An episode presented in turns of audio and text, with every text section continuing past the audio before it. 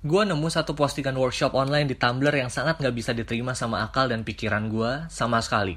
Mau tahu apa itu workshopnya? Judul workshopnya sharing inspiratif khusus tentang pendidikan dan jodoh.